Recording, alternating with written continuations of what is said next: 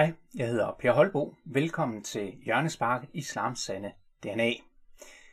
At være eller ikke at være. Sådan lyder en kendt replik fra Shakespeares skuespil Hamlet. Her filosoferer prins Hamlet over skæbnen og det personlige ansvar. Er alting fastlagt, forudbestemt, eller har vi en fri vilje til at kunne træffe vores egne valg? Når vi sådan ser på verden omkring os, og vi drager på vores øh, erfaring fra livet, ja, så kan vi næsten ikke komme til anden konklusion end den, at svaret nok ligger et sted midt imellem de to ekstremer. Vi har fri vilje, og vi har indflydelse på vores egne valg. Men samtidig så er vi også, i hvert fald i nogen grad, bundet af de rammer, som vi ikke selv kan sætte. Jeg kan i princippet beslutte mig for, at jeg både vil lyve og stjæle og undertvinge andre med vold, men jeg kan ikke bortvælge konsekvenserne af de her valg. Hvis jeg for eksempel konstant lyver for andre mennesker, ja, så får det altså den konsekvens, at andre mennesker ikke stoler på mig. Det kan jeg ikke bare fravælge. Jeg har min fri vilje, men jeg er altså også nødt til at tage konsekvenserne af mine valg. Desværre så lever vi i en tid, hvor virkelighedsflugt det er blevet det nye sort. Vi lever i en verden, hvor individualismen har taget overhånd, og hvor flere og flere betragter sig selv som centrum for al eksistens. Flere og flere tror fuldt og fast på, at man bare kan synes, hvad man har lyst til, og ja, hvis man så bare tror nok på det, så er det virkeligheden. Hermed så kaster man logikken og fornuften ud af vinduet og sætter sig selv op som sin egen Gud i sin egen lille verden, hvor fantasi er virkelighed, og virkeligheden er ren fantasi. Derfor så møder vi der også stadig flere mennesker, som har et syn på livet, der er totalt forskruet, og hvis evne til at tænke logisk og sammenhængende er nærmest ikke eksisterende. I går så jeg en kommentar her på kanalen, som i hvert fald falder i den kategori. Kommentaren den faldt efter en øh, længere diskussion om Mohammed og islam, hvor flere i kommentarsporet øh, udbad sig en forklaring fra øh, Salman Mohammed om, hvilket grundlag han har for sin muslimske tro. Grunden til, at debatten gik i den retning, øh, det var, at Salman Mohammed flere gange stillede sig tvivlende over for troværdigheden af flere af de muslimske kilder.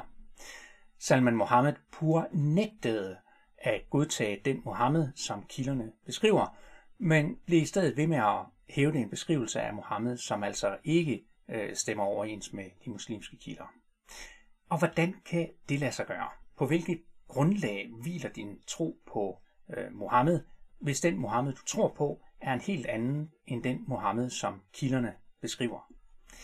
Efter flere forsøg til at få Salman Mohammed til at bekende kulør, ja, så faldt endelig den her kommentar. Haywood Yablum følger Sayed Sistani, jeg pick og chooser med hensyn til beretninger både fra Sunni og Shia kilder, men er mere tilbøjelig til Shia kilder. Er du MK? Ja, den sidste del af kommentaren, den vil jeg så ikke lige bruge en masse tid på. Det er faktisk en sjælden ærlighed, vi her er vidner til. Salman Mohammed, han erkender faktisk åbent, at hans version af Mohammed ikke hviler på de muslimske kilder. Salman Mohammed udviser en ærlighed over for os, som jeg personligt ikke ser ret tit.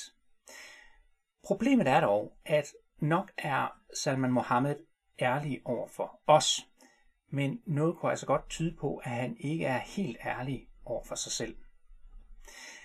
Når vi hver ser arbejder med at definere os selv, så vil vi af til komme til at stå i en situation, hvor vi må indse, at der er et valg foran os, som har konsekvenser. Hvis jeg træffer et valg, ja, så øh, fravælger jeg altså andre valg, andre muligheder. For eksempel som kristen, så har jeg jo altså truffet det valg, at jeg vil følge Jesus. Det lykkes ikke altid, men jeg har truffet det valg, at jeg vil gøre mit bedste for at ligne Jesus øh, bedst muligt. Men for at kunne gøre det, så er jeg jo altså nødt til at have et grundlag for, hvem Jesus er. Og her har jeg altså truffet det valg, at Bibelen er grundlaget. Det valg har jeg naturligvis truffet på baggrund af nogle seriøse overvejelser om troværdigheden af Bibelen, så det er ikke sådan resultatet af et lotteri, et øh, slag med en terning. Der er logik og fornuft bag beslutningen, og hvis du gerne vil vide lidt mere om, øh, hvad der ligger til grund for den beslutning, ja, så kan du eventuelt øh, kigge på min serie om evangeliernes troværdighed. Under alle omstændigheder, så har jeg valgt at basere min tro på Jesus med Bibelen som grundlag. Og i det valg, der har jeg jo altså også fravalgt alt det, som strider mod Bibelens beskrivelse af Jesus. Den Jesus, jeg tror på, er Bibelens Jesus. Jeg kan ikke bare påtage mig en øh, Jesus, som er opfostret i min egen fantasi. For hvis jeg gør det, så er det dybest set ikke Jesus, jeg følger. Så er det min egen fantasi, jeg følger. Og dermed så er det mig selv, jeg følger. Du, der kalder dig muslim, står i et lignende valg. Hvem vil du følge? Koranen er klokkeklar i det spørgsmål. Surah 33-36. Det tilfalder ingen troende mand eller kvinde, når Allah og hans sendebud har truffet beslutning om en sag, at vælge frit i deres sag.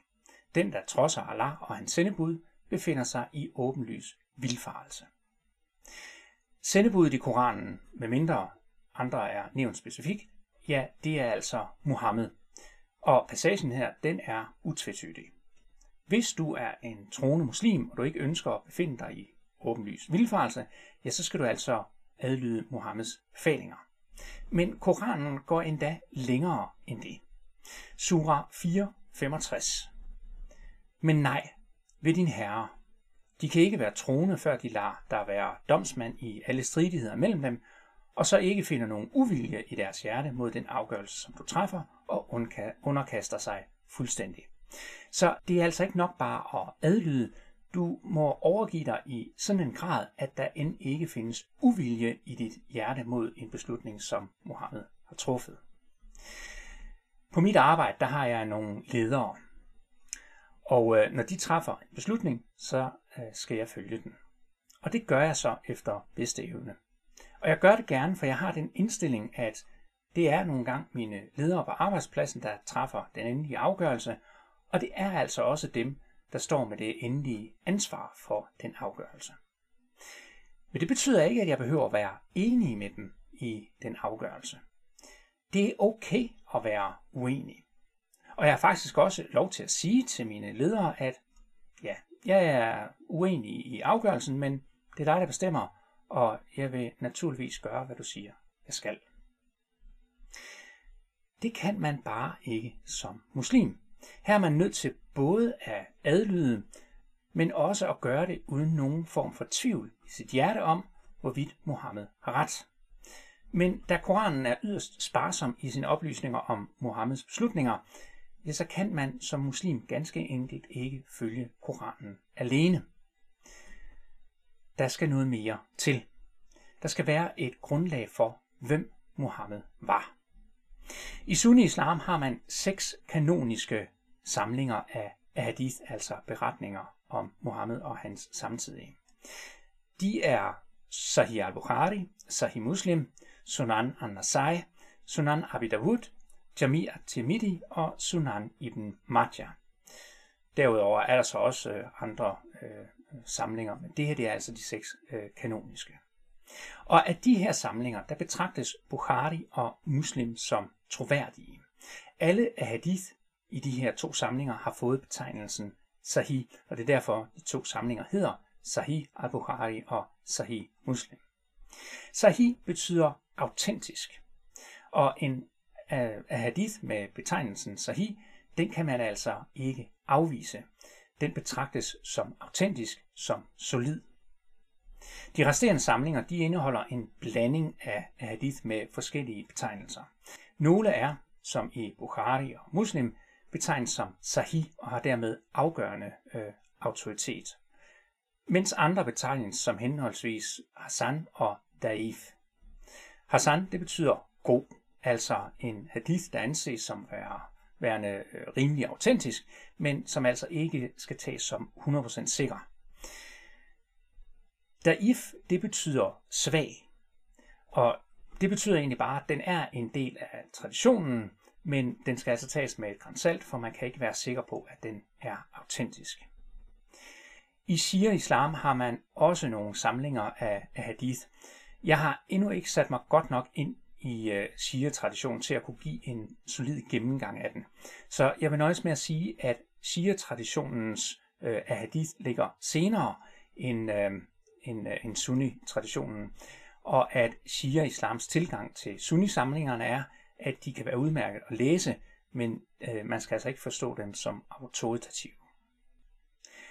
Pointen er, at hvis du som muslim skal efterleve Koranens befaling om at adlyde Mohammed, så er du nødt til at vælge et grundlag for, hvem Mohammed var, hvad han gjorde og hvad han sagde. Hvis dit grundlag er som Salman Mohammeds, altså at vælge at vrage mellem øh, de forskellige beretninger, så er du nødt til at have en eller anden form for metodik til at finde ud af, hvad der er troværdigt og hvad der ikke er troværdigt. Og den metodik er jo nødt til at være objektiv. Hvis din vælgen og vragen er baseret på, hvad du synes om, hvad du godt kan lide, ja, så finder du altså lige præcis det, du leder efter. Nemlig det, du godt kan lide, det du synes om, den Mohammed, du godt kan lide, den Mohammed, du synes om. Men det, du synes om, er jo ikke virkelighedens Mohammed. Det er din egen fantasi Mohammed. En konstruktion i dit sind. Og hvis du følger fantasi Muhammed, så følger du i virkeligheden ikke Muhammed. Så følger du dig selv. Og hvis du følger dig selv, så følger du ikke Koranens befaling om at adlyde Mohammed uden tvivl i dit hjerte. Så, kære muslim, du må træffe et valg. Velkommen til virkeligheden.